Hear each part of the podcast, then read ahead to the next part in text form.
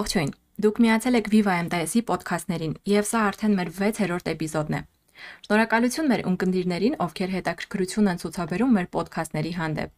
Ձեզ հետ կրկին ես եմ Ինեսան եւ այսօր ունեմ յուրահատուկ հյուր։ Անի Գասպարյան, ով մանկաբարձ գինեկոլոգ է եւ Women About Women առաջին կանանց առողջության վերաբերյալ բլոգի էքսպերտային բլոգի հեղինակը։ Անի ջան, ողջույն, շնորհակալություն հրավերը ընդունելու համար։ Ողջույն, շնորհակալ եմ հրավիրելու համար։ Իդեպ Անին առաջին հայ բլոգերն է, ով վարում է բլոգ գինեկոլոգիայի կանանց առողջության մասին եւ բարձրաձայնում է շատ կարեւոր ու առանցքային խնդիրներ։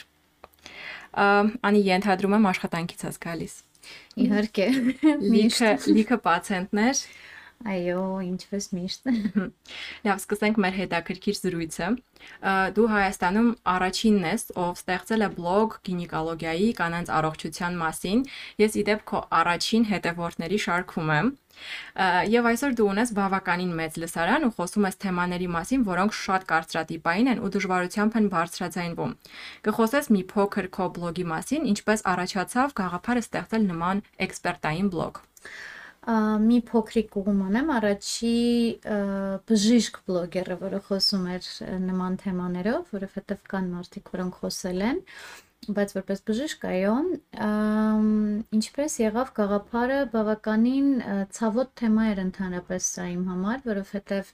սկսած առաջի երկրորդ կուրսից արձինատուրայի երբ որ ես հերթապահում էի եւ որոշակի այդպիսի սոցիալական խնդիրներ էի տեսնում տեսնում էի ինչքանով սարական կրթությունը բացակայում է մեր հասարակության մեջ եւ մեր երիտասարդ աղջիկների շրջանում եւ ինչքանով դա վտանգավոր է հետագայում իրենց առողջության համար Այստեղից էլ եկավ այդ միտքը, որ ես ուզում եմ տարածել այդ ինֆորմացիան եւ իհարկե ունենալով նմանատիպ զենք, ինչպիսին Instagram-ն է, ինտերնետն է եւ ընդհանրապես, դա շատ ավելի հեշտ է տարածել եւ կրթել մեր երիտասարդ սերունդը։ Գիտես, դու խոսում ես իսկապես շատ համարցակ թեմաներից։ Հետաքրքիր է ինչպես է դա ընկալվում լսարանի կողմից, թե քո հետևորդների եւ ինչու ոչ նաեւ ոչ հետևորդների կողմից։ Իմ հետևորդների կողմից շատ լավ ընկալվում։ Այ եթե հանկարծ ինչ որ վիդեո կամ ինչ որ բան, ինչ որ խոսք ընկնում է ոչ իմ հետևորդների շրջան, այդտեղ սկսվում է իհարկե մի հատ խելագարություն, որովհետև շատ հաճախ մարդիկ չեն հասկանում ինչի մասին է ընդհանրապես խոսքը, առանց հետևելու իմեջին, որոշ կոնտեքստներ ճիշտ չեն հասկացվում, դա առաջի հերթին եւ երկրորդ հերթին ոնց կարա հայ աղջիկը, հայ կինը խոսի սեքսի մասին կամ ինչ որ նմանատիպ բաների մասին ոնց թե ճոմոթը բայց իմ բախտը բերել է մենք զրույց ունեցանք իմ հայրիկի հետ այս թեմայով ես իրան ասացի ինչ եմ ուզում անել ու ինչի մասին եմ ուզում խոսել ինքը մի անգամից ասեց ես քո մեջքին կանգնած եմ խոսա Ես տերեմ։ Այդ support-ը ամենակարևորն է երևի եղել։ Այո, իրականում հա իմ ընտանիքի support-ը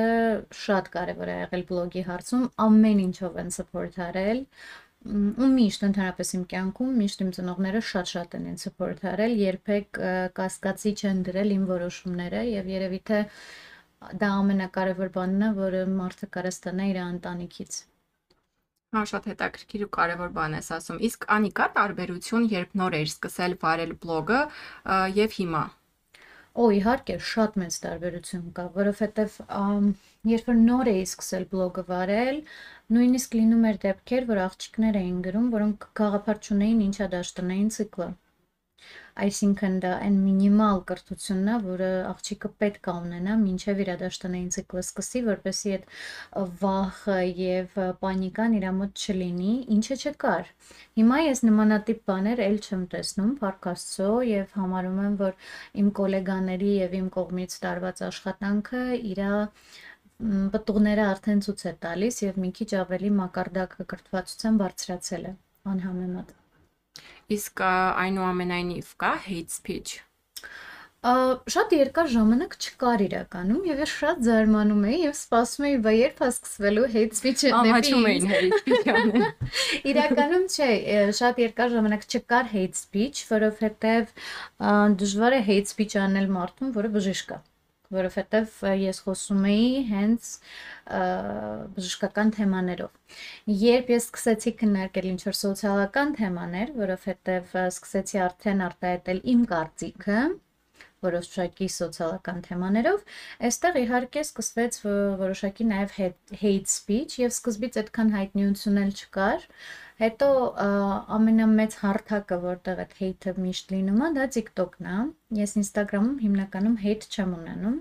բայց եթե հանկարծ ընկնում է ինչ-որ վիդեո, ես էլ չեմ գցում այդ վիդեոները։ Ինչ որ մեկը ուղակի վերցնում է, կտրում է եւ այդ վիդեոն գցում է, Հետո որ մտնում եմ տակը կարդում եմ, ինձ միկրոինֆարկտ եմ ստանում ամենակը։ Բայց դժվար է, չէ՞, այդ ամեն ինչը կարդալը, լսելը hate speech-ը։ Մենք Լսել չի եղել, լսել երբեք չի եղել, դեռ չի հայտնվել ինչ որ մեկը, որ այդքան ուշ կունենա կանգնի իմ դիմաց ու փորձի ինձ ինչ որ բան ասի եւ փառք Աստծո, որովհետեւ հիմնականում hate speech անում են մարդիկ, որոնք թաքնված են ինչ որ fake պրոֆիլների հետևում եւ ոչ մեկ այսպես ասած իրանց կարծիքը հիմնավորելու ուժ չունի, որ գա կանգնի քո դիմաց ու ասի ինչ որ բան։ Ա Եւ դա շատ ցավոտ է, որովհետեւ ես ավելի կնախընտրեի դա, եթե ինչ-որ խնդիր կա, ես կնախընտրեի մարդը գա նստի ասի գիտեք ինչ ես կարծում եմ այսպես այսպես այսպես եւ ես կհարգեմ իր կարծիքը սիրով բայց թաքնված ինչ որ հիմար բաներ գրելը իհարկե հեչ լավ որոշում չէ Գիտեք, սկզբից շատ դժվար էր, շատ։ Առաջի մի քանի անգամ երբ որ ստացա ինչ որ նման նամակներ, շոկի էի ենթարկվել, թե ոնց կարա հայ տղամարդը, հիմնական տղամարդիկ են, երբեք կանայք ինձ հետ չեն ուղարկել մտածում եմ ոնց կարա հայ տղամարդը այսքան տգեղ բառապաշար օգտագործի հայ կնոջ նկատմամբ ոնց որ չի հավատում որ տենց բան կարա լինի բայց արդեն սովորել եմ ամեն ինչին սովորում ես Բայց նորմալ չափ հա անի այդ hate speech-ը, ինչ ես կարծում, թե ինչ որ քրիտիկական կետի է հասնում ու ինչ որ բան պետք է անել։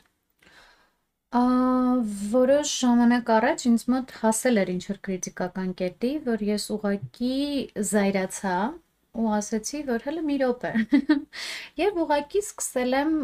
նմանատիպ նամակները հանրայնացնել։ Եվ մի հատ այսպիսի բան սկսեց, որ բոլոր բլոգերները, որոնք խոսում էին նման թեմաներից, իրենք բոլորը ստանում են նման նամակներ, Եվ ես համարում եմ, եթե մենք բոլորս հանրայնացնենք ամեն ինչը եւ մարդիկ տեսնեն այդ տգեղ կեղտոտ բարերի հեղինակներին, միգուցե մի քիչ ավելի ամաչեն մարդիկ եւ մտածեն երկու անգամ գրելուց առաջ, եւ շատ կարեւոր բան էր, որ մենք չպետք է ամաչենք, որ մեզ նման բան են գրում պետք է ամաչեն գրողները եւ դա հենց առաջնային թեման է որ Հայաստանում պետքա փոխվի, հա կանայք չպետք է ամաչեն որ իրենց նման բան են ասում, այլ պետք է ամաչի տղամարդը որ իրան իրավունք է վերապահում դա ասի։ Ես պատկերացնում եմ ինչքան շատ կանանց ես դու իրականում մոտիվացնում եւ ուժ տալիս։ Մենք կխոսենք այդ դրա մասին, բայց մի հատ հարց ունեմ քեզ։ Տեսնելով քեզ, ոնց ես համատեղում աշխատանքը, ընտանիքը, ուսումը, նաեւ ճամփորդությունները, աղջկա հետ ժամանակը ես հիշում եմ տենց post էիր գրել աշխատող մամա ու դպրոց։ Ահա։ Իրականում ոչ մեկ իդեալական չի եւ իհարկե որոշակի կետերը քո կյանքի որոշակի շրջաններում զիջում են մնացածին։ Այսինքն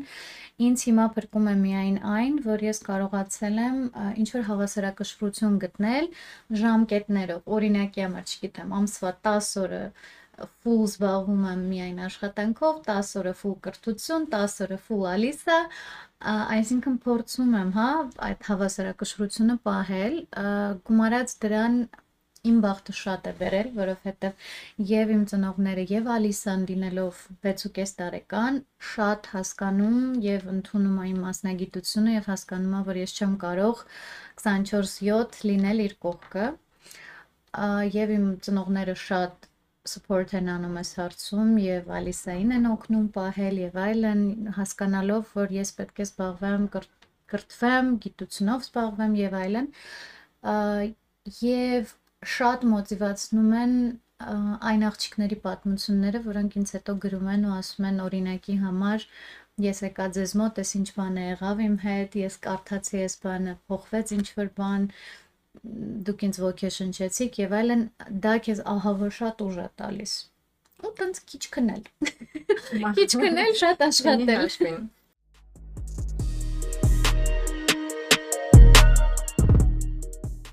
Ինչ հարցերով են դիմում աղջիկները կամ կանեք, բացի առողջական հարցերից։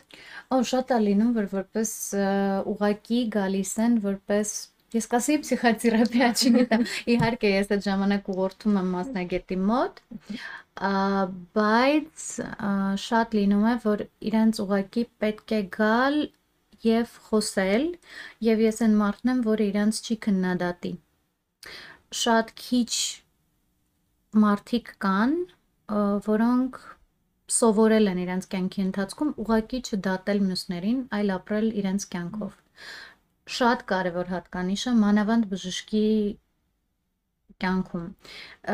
Հերիք չի դա լավ է, որ բժիշկը չքննադատի, դա պարտադիր է, որ բժիշկը չքննադատի, այսինքն մեր մասնագիտությունը այնպեսին է, որ դու ոչ մի էմոցիա, ոչ մի ռեակցիա, ոչ մի քո անձնական կարծիք չպետք է ցույց տաս, հա, պացիենտի մոտ, իսկ ինչ ենք մենք հաճախ տեսնում, որ այս նորմերը չեն պահպանվում ցավոք սրտի։ Իհարկե փոփոխվում է ամեն ինչ, լիքը փոփոխություններ կա եւ ես շատ երջանիկ եմ եւ իմ գոլեգաներն էլ ֆանտաստիկ գործ են անում այս ուղությամբ։ Եվ ես հուսով եմ, որ շուտով մենք այս փուլն էլ կհաղթահարենք։ Իսկ շատ պացիենտներ ունես, որ հենց բլոգի միջոցով են ճանաչել քեզ ու բլոգի միջոցով գալիս են քեզ մոտ։ Ի սկզբանե շատ էին, երևի թե ավելի շատ բլոգից, քան երբ որ նոր էր իմ կարիերան սկսվում, ավելի շատ էին բլոգից։ Հիմա կես-կես երևի մի մասը բլոգից են իմանում, մի մասը ընկերուհիներից, մամաներից, քույրիկներից, բայց իհարկե բլոգը իր ոնց որ ազդեցությունը հա ունի, իհարկե։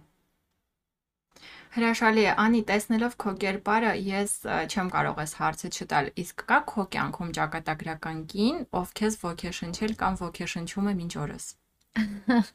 Իհարկե կա։ Իմ բախտը շատ բերել է, որովհետև ես ունեմ ֆանտաստիկ ուժեղ մայրիկ, որը 92 թվականին պատկերացրեք 92 թիվ։ Արդեն փշակաղվում եմ։ Այո։ Ինչ պատմել։ 92 թիվ, պատերազմ, ինչ որ սով, մութ, ցուրտ եւ այլն, ըմ լինելով ընտանեկան բռնության զոհ, ուղակի թողել գնացելա բաժանվելա առանց մի րոպե մտածելու, մի վարքյան նույնիսկ մտածելու։ Եվ ես միշտ հիացել եմ իր ուժով, որովհետև այն ժամանակ դա անլսելի էր ինչ որ ոնց կարա կինը բաժանվի ամուսնուց վերջ իր վրա խաչ ենք կաշում եւ այդ ամենի հետ մեկտեղ ստացել է ֆանտաստիկ ուսում, գիտնական է դարձել, ստացել է Ամերիկայում լավագույն գիտաշխատողի նոմինացիայի հաղթող է եղել, ամուսնացել է, ունի էլի երեխա եւ թութու շատ երջանիկ կին է իհարկե իմ մաման է իմ ոգեշնչող կինը, որը ինձ միշտ ուժ է տվել, մինչև հիմա ես եթե զգում եմ ինչ որ sense ես էլ եմ մեկ-մեկ հոգնում, զանգում եմ մամային, մաման այնտեղից կարաս ամեն ինչ կստացվի, ամեն ինչ լավ է լինելու եւ ես ունեմ երկու Կարինեներ իմ կյանքում։ Դա Կարինե Կարենովնանը, Հարուստաման իմ դասախոս եւ Կարնե Ակոպովնան Աթոխունց նույն նույնպես իմ դասախոսը ես միշտ ասում եմ որ մամայից հետո իմ երկու Կարինեներն են էլի երկու ֆանտաստիկ ուժեղ կին կանացի սիրուն նուրբ բայց այնքան ուժեղ որ չգիտեմ չեմ կարող բացատրեմ ինչ sense ներքին ուժ ունեն իրանք որ իրանք այտենց երեքով մամաս ու Կարինեներս ինձ ոգեշնչում են։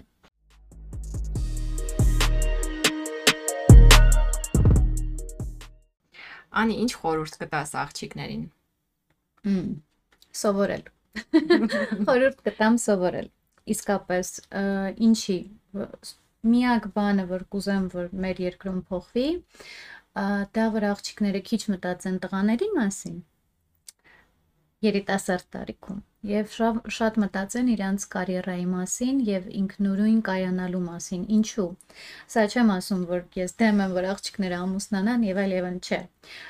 Ուղղակի ես համարում եմ, որ մեր հայկանայք պետք է լինեն ինքնուրույն, որպեսի եթե ընկնեն